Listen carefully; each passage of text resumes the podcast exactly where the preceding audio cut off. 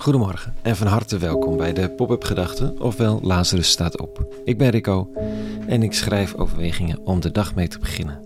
Vandaag met de titel Brand in het hart. Woensdag 20 april 2022. De heiligen in de katholieke kerk hebben zo hun eigen symbolen bij zich. Petrus sleutels bijvoorbeeld, kun je altijd aan herkennen, hoe hij ook precies is afgebeeld. Paulus is een oude man met een boek en een zwaard wel benieuwd waar jij of ik mee afgebeeld zouden worden eigenlijk.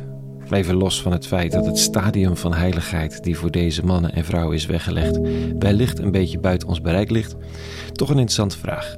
Waar zou jij mee ge-3D-print worden? Sowieso natuurlijk mijn telefoon, als ik niet oppas. Net als al die andere zombies van vandaag, opgezogen door dat ene schermpje. Maar misschien ook nog wel iets met wat onze bijdrage in het leven kenmerkt. Augustinus die wordt altijd afgebeeld met een brandend hart. En hij schrijft in zijn belijdenissen daarover. U had mijn hart doorboord met de pijlen van uw liefde. En de woorden waar u mijn binnenste mee had doorstoken, droeg ik met me mee. Ze zetten me flink in vlam. Hm. De man was geraakt, zou je kunnen zeggen. Nogal. En volgens schrijft hij dan boeken en geschriften die bijna als geen andere christelijke kerk beïnvloeden. Oh, ook net als de ontwikkeling van de psychologie trouwens. Vandaag lees ik ook over een paar mensen met een brandend hart. Ze waren onderweg naar huis vanuit Jeruzalem, treurig over de dood van hun Messias. En er loopt iemand met hen op die later Jezus zelf blijkt te zijn. Dan staat er, terwijl hij met hen aanlag, nam hij het brood, sprak de zegen uit, brak het, reikte het hun toe. Nu gingen hun ogen open en zij herkenden hem, maar hij verdween uit hun zicht. Toen zeiden ze tot elkaar: Brandde ons hart niet in ons, terwijl hij onderweg met ons sprak en ons de schriften ontsloot. Wel tof hoor, als je herkend wordt aan het breken van het brood.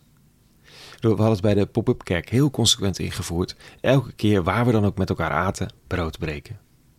En wel zo consequent dat als je dan met een paar mensen ergens stond te barbecuen, dat het even automatisch de vraag was: uh, jongens, wie breekt even brood? Je kunt dat devaluatie van een heilige handeling noemen. Aan de andere kant werd het zodanig onderdeel van het DNA dat ik me deze herkenning in de teksten van vandaag kan voorstellen. Dat je verblind door de onmogelijkheid van de aanwezigheid van de Messias bij het breken van het brood opeens beseft: verrek, dat is hem. En dan kijken ze terug en bedachten ze dat, dat ze tijdens het spreken over de oude tekst uit hun traditie, namelijk wat de Messias zou komen doen en waarom, en of dat moment van gekruisigd worden nu de mislukking was van de Messias en zijn missie of een voorzegd onderdeel, dat hun hart toen al brandde achteraf gezien dan. Het is niet zo makkelijk om in het moment te constateren dat er iets bijzonders gebeurt. Hun hart stond in brand, zeggen ze, zoals dat van Augustinus met zijn pijlen van liefde. Maar ze waren er niet achter waarom. Ze wisten misschien niet eens van elkaar. Ze waren een beetje verbaasd over zoveel emotie in het hart. Er zijn momenten dat mijn hart brandt en dat ik het niet doorheb. Dat ik aanga en een beetje verwonderd naar mezelf zit te luisteren. Wat is er aan de hand? Wat betekent dit? En de neiging om het dan van me af te schudden is groot. Is overdreven. Hm. Maar de man op weg naar Emmaus en de zinnen van Augustinus brengen we vanochtend het besef bij dat het iets betekent als het hart ontvlamt. Dat het zomaar goddelijke betekenis kan hebben en dat dit het onderzoeken waard is. Wat gebeurt er met me? Wie is die ander? Wat is dit voor moment? Uitgedoofde harten van leerlingen, het cynische hart van Augustinus. Het had niet veel nodig om te ontvlammen. Niet veel meer dan de nabijheid van de eeuwige zelf. En die is, volgens de teksten van christendom, nooit ver weg.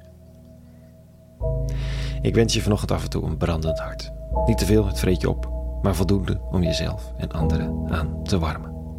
Een hele goede woensdag gewenst. En vrede. En alle goeds.